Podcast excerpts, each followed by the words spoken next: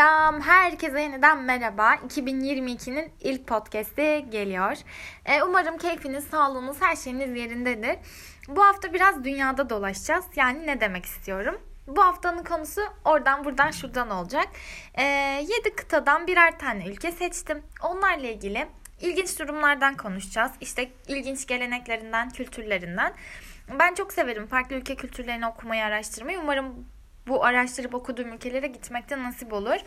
Tabi dolar ve euroyu saymazsak şu an. o yüzden e, böyle merak ettiğim, sevdiğim, gitmek istediğim ülkeleri seçtim. Dediğim gibi her kıtadan böyle birer tane olacak şekilde ve böyle küçük küçük bilgiler vereceğim. İlginç bilgiler şeklinde anlatacağım sizlere. Anlatmaya çalışacağım daha doğrusu. O zaman şöyle hop yavaştan başlayalım. Ee, ilk olarak Asya kıtasıyla başlayalım. Asya kıtasında aslında bu kıtada gitmek istediğim ülkeler Türk devletleri ama bana çok garip gelen ya her ne kadar gitmeyi şu an için asla düşünmesem de belki şu an uyguladıkları diktatörlük rejimi son bulduğunda gitmeyi isteyebileceğim, öncesiyle sonrasını karşılaştırmak isteyeceğim bir ülke olabilir diye düşünüyorum. Ve her araştırdığımda farklı şeyler gördüğüm bir yer. Bence birazcık tahmin etmişsinizdir diye düşünüyorum ve Kuzey Kore. Evet e, Asya'da Kuzey Kore'yi seçtim. E, şimdi Kuzey Kore'nin zaten tarihi çok çalkantılı biliyorsunuz ki. İşte Japonya ile olan durumları, Amerika'nın oradaki işte bas he, hegemonya kurmak istemesi gibi gibi birçok e, olay yaşandı. Yine Güney Kore ile birleşmek istemeleri vesaire. Tabi bu çalkantılı e, dönemlerin hepsinde Kim ailesi vardı. Ve Kim ailesi de orada bir rejim oluşturdu. Şimdi bunlardan başlayacağız böyle ufak ufak anlatacağım birazcık size. E, 2017 yılıydı galiba. BBC haber ekibi 9 kişilik bir ekiple birlikte Kuzey Kore'ye gidiyorlar. Ve buradan e, bizlere aktardıkları birkaç bir şey var. Onların da en çok dikkatini çeken şeyler. Bunlardan ilki asker fotoğrafı çekmek, üzerinde liderlerinin olduğu fotoğrafları, gazeteleri e, katlamak, heykel ya da resimlerini işaret parmağıyla göstermek yasak arkadaşlar. Fotoğraflarını da çekiyorsanız ancak e, tüm çerçeveyi içine alacak şekilde çekebiliyorsunuz. Başka türlü çekmek yasak. O çektiğiniz fotoğraflar bir yerde yayınlanırsa sonucu ölüm cezasına kadar gidebiliyor. Ee, yine Kuzey Kore'de yurt dışına gidemiyorsunuz. Telefonla dahi yurt dışına görüşmek yasak. Dil öğrenemiyorsunuz. Ancak bir devlet görevlendirilmesiyle çıkışınız ve girişiniz belirli olmak kaidesiyle ve tabii ki de dışarıdan izlenen bir kontrol, bir gözle ancak bunu gerçekleştirebiliyorsunuz. Zaten oradaki insanların dışarıdan maalesef hiçbir şekilde haberi yok biliyorsunuz ki.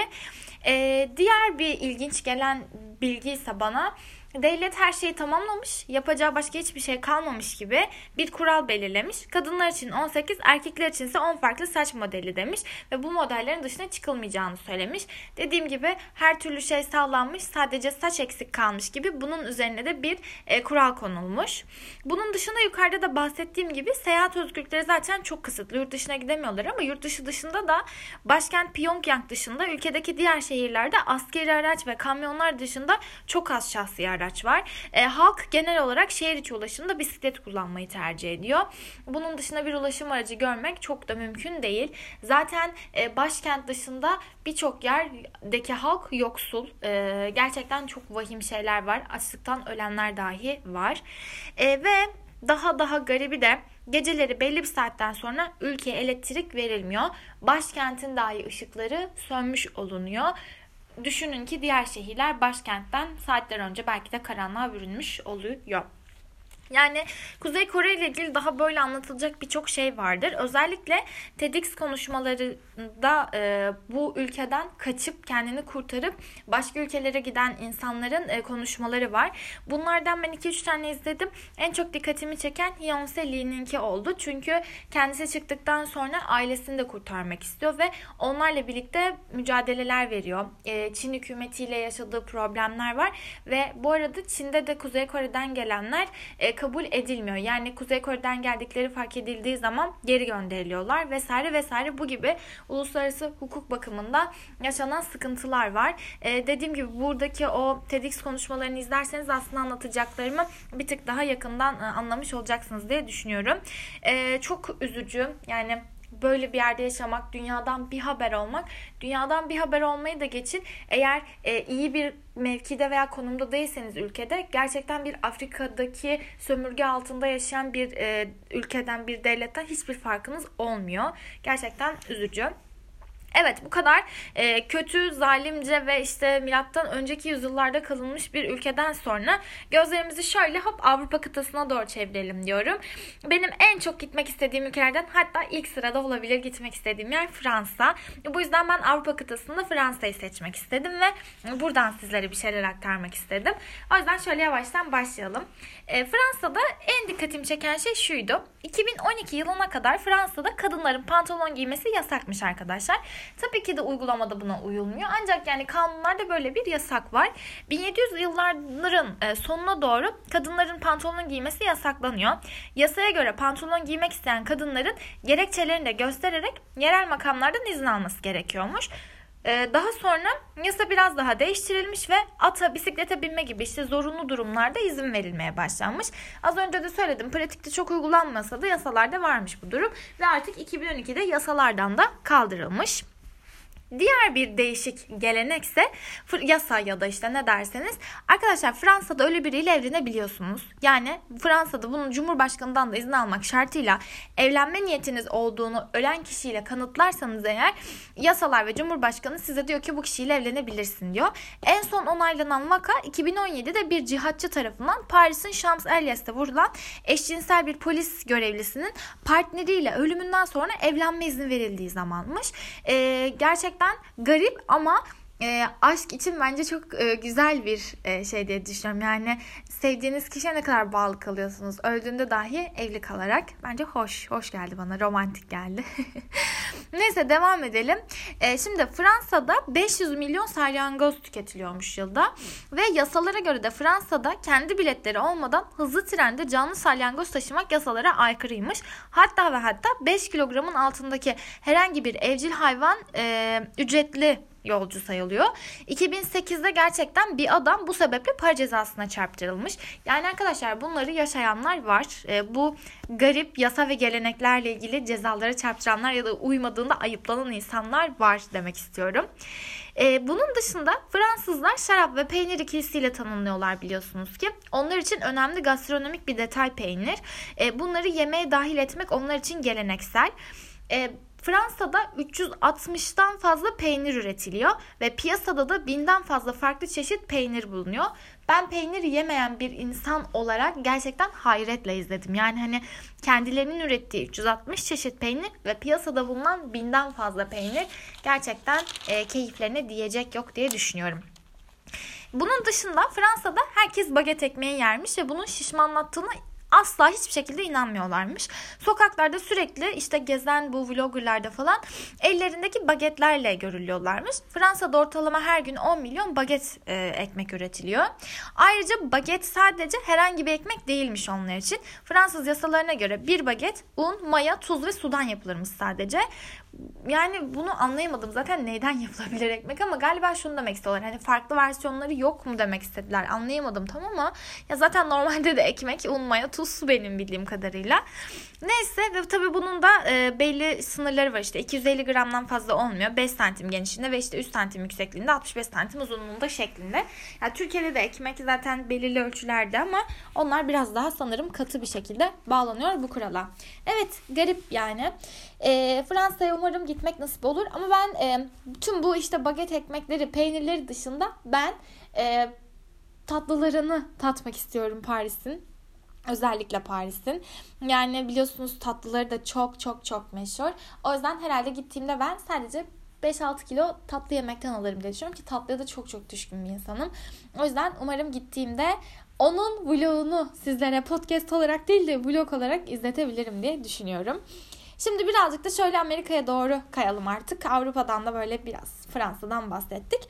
Ee, ben Güney Amerika'da Arjantin'i seçtim. Neden? Çünkü Güney Amerika'da Paris'miş arkadaşlar Arjantin. Yani Güney Amerika'nın Paris'i oluyormuş Arjantin. Bu yüzden dedim ki nasıl nasıl olabilirmiş? Hemen başlıyorum anlatmaya. Şimdi Arjantin'de ilk olarak kişi başına düşen psikiyatri sayısının en yüksek olduğu ülkeymiş. Hatta başkent Buenos Aires'in bir bölgesinde o kadar fazla psikiyatrist bulunuyormuş ki bu bölgeye psikolojinin önemli isimlerinden olan Freud'dan esinlenerek Villa Freud adı verilmiş. Yani bu kadar çok varmış. Ee, geçinemeyen halk için bir girişimci 2018 yılında takas pazarları kurmuş. Şimdi Arjantin'de biliyorsunuz son yıllarda ekonomide birazcık sıkıntı vardı ama biraz toparlanmaya başladılar.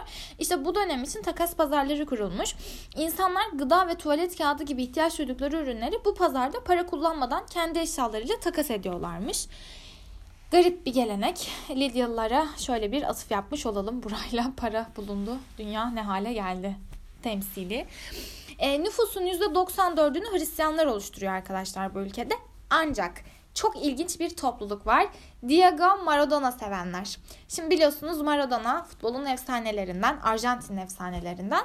Onlara göre futbol bir din ve bu dinin tanrısı da Diego Maradona. Kendilerine Diagoryan adını veriyor bu topluluk ve Diagono'nun şerefine bir kilise bile kuruyorlar arkadaşlar.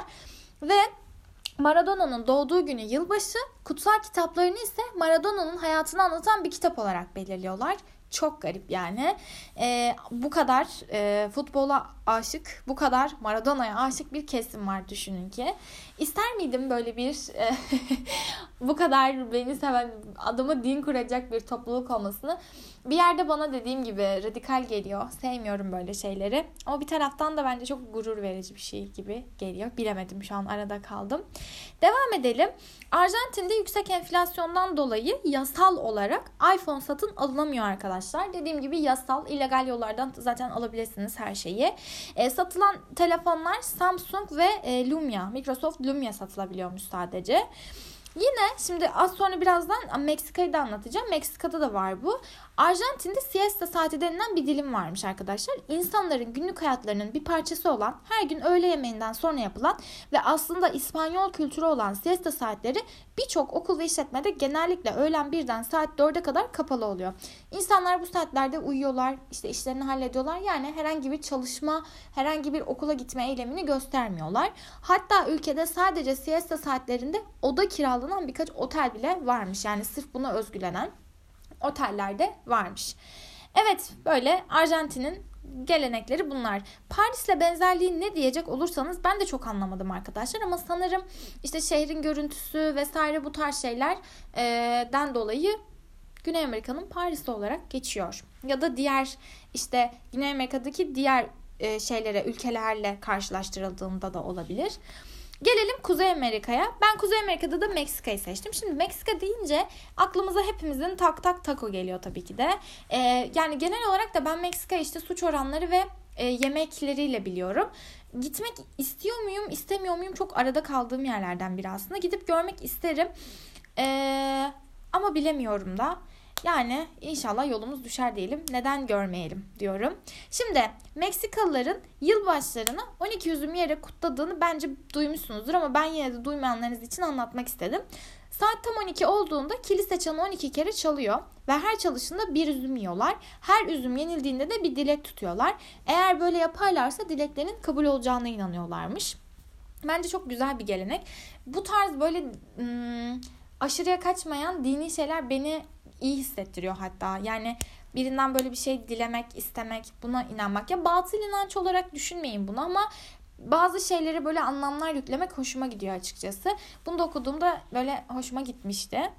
E, ülkede 1 Kasım hayatını kaybeden çocuklara 2 Kasım'da hayatını kaybeden yetişkinlere adanmış. Her iki günde de e, aileler mezarlıkları ziyaret ediyorlar ve mezarları Ölüler Günü'nün geleneksel çiçeği olan kadife çiçeğiyle süslüyorlar. İşte ayrıca evlerinde ve mezar taşlarına sunaklar hazırlayarak kaybettikleri ve sevdiklerinin en sevdikleri yemekleri yapıyorlar burada. Bunun amacı da sevdiklerinin ruhlarını kendilerini ziyaret etmeleri için davet etmek. E, bu ölüler mateminden sonra Meksika halkı eğlenceye, gece hayatına da oldukça düşkün. Bu yüzden de Meksika'da maaşlar birinde ve 15'inde olmak üzere iki seferde yatıyormuş. Çünkü ikinci gün maaşların suyunu çektiğini devlet dahi biliyormuş arkadaşlar. Bu yüzden. Şimdi Meksika'ya e, geçenlerde yine bir vlog izliyordum. Meksika'ya giden bir e, blogger'ın e, vlogu. Gerçekten de yaşadı bunu. Şimdi Meksika'da eğer bir yerde bir eşyanızı 2 dakika için bile unutup gitmişseniz Meksikalılar için artık bu eşyayı almak hak. Yani hırsızlık olmuyor. İzlediğim vlogda da gerçekten bu yaşandı ve Meksikalılar da kişi eşyasını geri alamadı. Oldukça komik ama bir taraftan da çok hani üzücüydü. Çünkü ben çok unutkan biriyim. Her an her şeyimi her yerde unutabilirim. Böyle bir şey herhalde orada başıma gelse ya hiçbir şeyim kalmaya dahi bilirdi. O yüzden biraz garip bir gelenek aslında. Bir de Meksika'da işte düğünlerde damada 13 altın veren daha sonra onları geline sunan rahip şeklinde bir gelenek var. Bu gelenek İsa Mesih ve 12 havarisini temsil ediyor.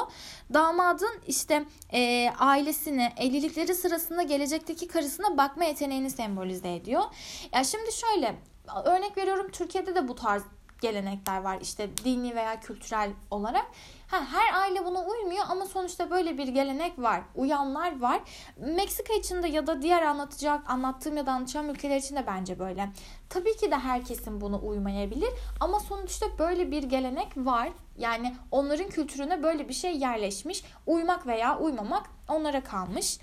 Meksika ile ilgili de böyle bana ilginç gelen şeyler bunlar da açıkçası. Şimdi böyle 7 kıta olduğu için e, ve sürenin de çok uzamaması adına ben 4'er 5'er tane şey buldum. İşte ilginç e, bilgi buldum.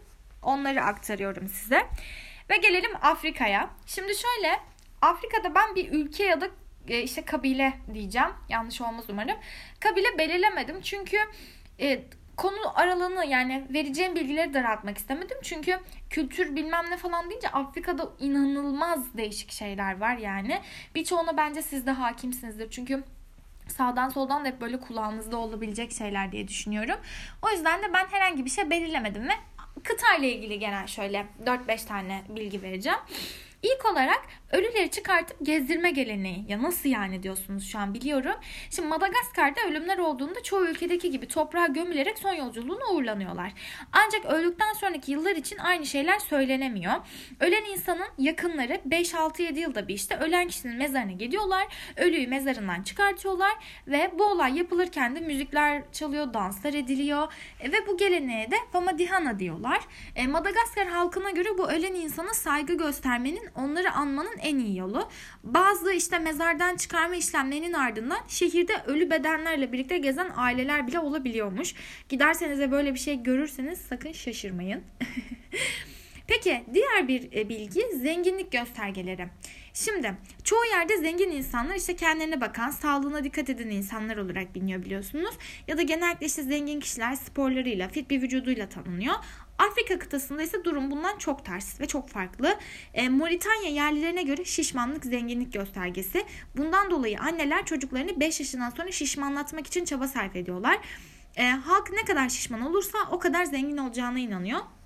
Bununla bağlantılı mı bilmiyorum ama e, şey daha öncelerde şöyle bir bilgi duymuştum.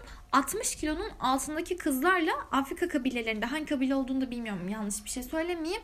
60 kilonun altındaki kızlar evlenemiyorlarmış. Yani evlenebilmeleri için 60 kilo ve üstü olması gerekiyormuş. E, bu da garip yani. E, görünüş olarak düşünmüyorum arkadaşlar. Tamamen sağlık olarak düşünüyorum. Gerçekten çok tehlikeli bir şey bence. Ama bu zamana kadar da herhalde bir tehlikesini görmediler diye düşünüyorum. Devam edelim. Boyalı yüzler. E, bu belgesellerde falan mutlaka denk gelmişsinizdir. İşte yüzleri, yanakları falan boyalı oluyor. E, Surma kabilesi üyeleri Güney Sudan ve Güneybatı Etiyopya'da bulunuyor. Bu kabiledeki erkekler evlilik zamanlarının geldiğini belli etmek için vücutlarına ve yüzlerine tebeşirli çizimler yapıyorlar ve diğer kabilelerin erkekleriyle dövüşüyorlar. Gerçekten dövüşüyorlar. Kendilerine göre bir eş bulmak için mücadele ediyor erkekler ve bu kavgalarda sadece sopa kullanılıyor. Ancak sadece sopa kullanılsa da bazen şiddet o kadar artıyor ki bu kavgalar esnasında ölümler olabiliyor. Sırf eşlerini etkileyebilmek için ya da işte belirledikleri o kişiyle evlenebilmek adına. Bazen gerçekten hayvanlardan daha hayvani dürtülerimiz var. Gelelim ahşap diske. Ee, şimdi ahşap disk bence bunu hepiniz duymuşsunuzdur. Ee, Mursi, Şama ve Surmi isimli Güney Afrika kabilelerinde uygulanan gelenekte işte bu dudağa, burna, kulağa e, konulan ahşap diskler var ya. İşte bu kabilelerde dudağa ahşap disk yerleştiriliyor. Genellikle 15-16 yaşında olan kızların anneleri tarafından dudakları kesiliyor ve ahşap disk yerleştiriliyor. Yıllarca bu ahşap disk kalıyor. Ahşap disk takılması insanların ağızlarının büyümesine neden oluyor tabi. Şimdi bunun iki nedeni olduğu söyleniyor. Birincisi güzel durması. İkincisi de e, burada anlatmayacağım ama şimdi Afrika kabilelerinde de başlık parası dediğimiz bir durum var. İşte ne kadar büyük olursa bu disk yani bu dudak e, o kadar çok fazla başlık parası alınacağına inanıyorlar. Ve bu yüzden de böyle bir gelenek gerçekleştiriyorlar. Devam edelim. E, selamlaşırken Afrika kabilelerinde genellikle tokalaşma ve sarılma kullanılmıyor arkadaşlar. Tükürüyorlar birbirlerine doğru. E, hatta yeni doğan bebekleri de ilk doğdukları an yüzlerine tükürerek başlıyorlar. Bunun da bebeklerin kötü ruhlardan korunduğuna inanıyorlarmış. Yani bu tükürüğün bebeği kötü ruhlardan koruyacağına olan inançlarından dolayı bunu yapıyorlarmış. Evet Afrika kabilesinde arkadaşlar ben araştırırken daha birçok şey buldum. Hani belki de şey e, sadece onlarla ilgili bir podcast çıkabilirdi diye düşünüyorum ama bana en ilginç gelenler ya da işte çok sık karşılaşacağımız gelenekleri bunlar. Ama evet bunlar kabileden kabileye değişiklik gösterebiliyor. Hatta ülkeden ülkeye bile değişiklik gösterebilen gelenekler. Ama kısıtlasaydım çok daha az olacaktı. O yüzden böyle daha keyifli olduğunu düşünüyorum. Gelelim Avustralya'ya. Şimdi Avustralya'da Sydney ya da Melbourne diye düşünüyorsunuzdur kesin ama ben başkenti seçtim. Canberra. Genelde işte hep bildiğimiz oralar çünkü. Canberra ile ilgili de çok fazla bir şey bulamadım. Yani şöyle daha doğrusu Avustralya ile ilgili çok bir şey bulamadım. Yani Zaten Avustralya Birleşik Krallık e, yönetiminde olan bir yer ve kendilerine has böyle çok büyük bir gelenekleri, örfleri, adetleri olduğunu sanmıyorum. Yani bulamadım çünkü. Ancak şöyle gastronomik açıdan çok zenginler biliyorsunuz ki ve e, kültürel olmasa da endemik ve coğrafi olarak gelişmişler ve burada da Zaten geçtiğimiz yıllarda da biliyorsunuz ki bir yangın faciası oldu orada da. O yüzden hani birçok e, hayvan da hayatını kaybetti ama yine de kültürel çeşitliliği çok fazla olan bir yer. E, böyle iki tane güzel bir bilgi vereceğim e, Canberra ile ilgili. Şimdi Canberra'nın başkent seçilme sebebi. Şimdi biliyorsunuz ki Sydney ve Melbourne genellikle zaten başkent seçiliyor ya da işte Avustralya deyince aklımıza geliyor ama Canberra neden başkent seçilmiş biliyor musunuz? Şu yüzden e, şimdi sıcak ve eğlenceden uzak bir yer seçmek istemişler e, başkent seçilme dönemlerinde. Çünkü bunun devlet adamlarının bu sıcağın ve işte eğlence yerlerinin çok olduğu yerlerin onları etkileyeceği düşünülmüş. Bu yüzden de soğuk bir yer seçilmeye çalışılmış ve o dönem içinde bu da, bu şehir Canberra olmuş ve başkent bu yüzden Canberra seçilmiş. Yine Avustralya'nın savaş anıtı Canberra'nın en önemli simgelerinden biri. 1941 yılında açılan savaş anıtı ülkenin tarihi boyunca katıldığı tüm savaşlar anısına inşa edilmiş bir yapı. Bu anıtın hemen yanında da e, Anzac Parade üzerinde savaşları ve savaşlar sırasında Yeni Zelanda ile birlikte verilen kayıpları hatırlatmak için oluşturulmuş 14 tane anıt var. Gelelim önemli noktaya. Bunların yalnızca biri savaştan bir komutana ve ülkeye adanmış arkadaşlar. Mustafa Kemal Atatürk, Türkiye. 1985 yılında Anzak askerlerinin kıyıya çıktığı bölge Türk devleti tarafından resmi olarak Anzak koy olarak tanınınca Avustralya'da karşı jest olarak bu anıt bahçeyi yaptırmış. Anıtın üzerine de Atatürk'ün ünlü Anzak askerlerinin annelerine yaptığı konuşmayı koymuş. E, fotoğraflarına bakabilirsiniz. Gerçekten çok tatlı, çok güzel bir e, alan. Gidip görmeyi de çok isterim. O yüzden Avustralya'ya gelip Avustralya ile ilgili konuşamadım. E, böyle iki tatlış küçük bir bilgi vermek istedim. Gelelim son kıta. Antarktika çok da eski olmayan, oldukça tarihi yeni olan bir kıta. 1820 yılında keşfediliyor Antarktika. Tarihi boyunca birçok devlet hak iddia etmiş. Ta ki Antarktika Anlaşması'na kadar günümüzde de sadece bilimsel araştırmalar için kullanılıyor. Peki Antarktika nasıl keşfediliyor? Antarktika uzun süre boyunca sadece bir teori. Aristoteles dünyanın iki kutbu olduğunu savunuyor. Özellikle coğrafi keşifler sırasında birçok keşfi, e, keşifi de cezbediyor tabii ki burası. James Cook dahil birçok denizci de kıtayı araştırıyor. E, önceki podcastlerde Cook'tan bahsetmiştik hatırlayanlarınız vardır diye umut ediyorum. E, ama bulamıyorlar. 17. yüzyıldan itibaren keşif çalışmalarına başlanıyor ve 1820 yılında Ruslar donanmayla kıtayı keşfediyorlar. Kıta karasına ilk defa 1821'de çıkılıyor ve 1895 yılında ise ilk kez teyit edilen ayak basma gerçekleştiriliyor. Tabi bölgede hak iddia etmeye başlıyor devletler. Durur mu toprak ağları? 1833 yılında Birleşik Krallık hak iddia ediyor. Leopold Ameri döneminde kıtanın tamamında hak iddia etmeye çalışılsa da başarısız oluyor. 1840 yılında Fransızlar biz de buradayız diyorlar. Onlar da hak iddia ediyorlar. Norveç durur mu? 1931 yılında Peter Van Adası'nda hak iddia ediyor. Belli bir süreden sonra ve Norveç sınır ihlali yapıp Birleşik Krallık'tan toprak alıyor. E, Emmond House Antarktika'daki ilk kalıcı üs oluyor. Üs İskoçya'ya ait olduğu için İskoçya'da hak iddia ediyor ve sonrasında bu üs Arjantin'e devrediliyor. 1940'larda Arjantin'e diyor ki benim üssüm varsa diyor ben de hak iddia ederim diyor. Arjantin'e giriyor devreye. Şili de bir dönem bu yarışa katılıyor ama 1961 yılında artık Antarktik Anlaşması imzalanıyor ve Antarktika tarafsız bölge ilan ediliyor. Şu an dediğim gibi sadece bilimsel çalışmalar için kullanılan bir e, kıta olmuş. Zaten yaşamda çok zor biliyorsunuz ki. Ve evet sanırım en uzun bölüm oldu. Oldukça kısa tutmaya çalıştım ama konu çok içime sindiği için de yapmak istedim bu bölümü. O, e, yani tutabildiğim kadar kısa tuttuğumu düşünüyorum. Hem verimli hem kısa olması açısından. E, ve sona geldik artık. Dediğim gibi en uzun podcastlerden biri oldu. Umarım keyifle dinlemişsinizdir. E, böyle her hafta oradan buradan konuşuyoruz. İlk başta da demiştim zaten canımız ne isterse onu konuşacağız diye. E, neden? Çünkü bir konu belirlemek hmm, pek bana göre değil. Canım ne istiyorsa onu yapma taraftarıyım genel olarak. O yüzden de böyle daha güzel gittiğini düşünüyorum. Ama tabii önerilerinize de her zaman açığım. Sadece önerilerinize değil, e, yorumlarınıza, eleştirilerinize.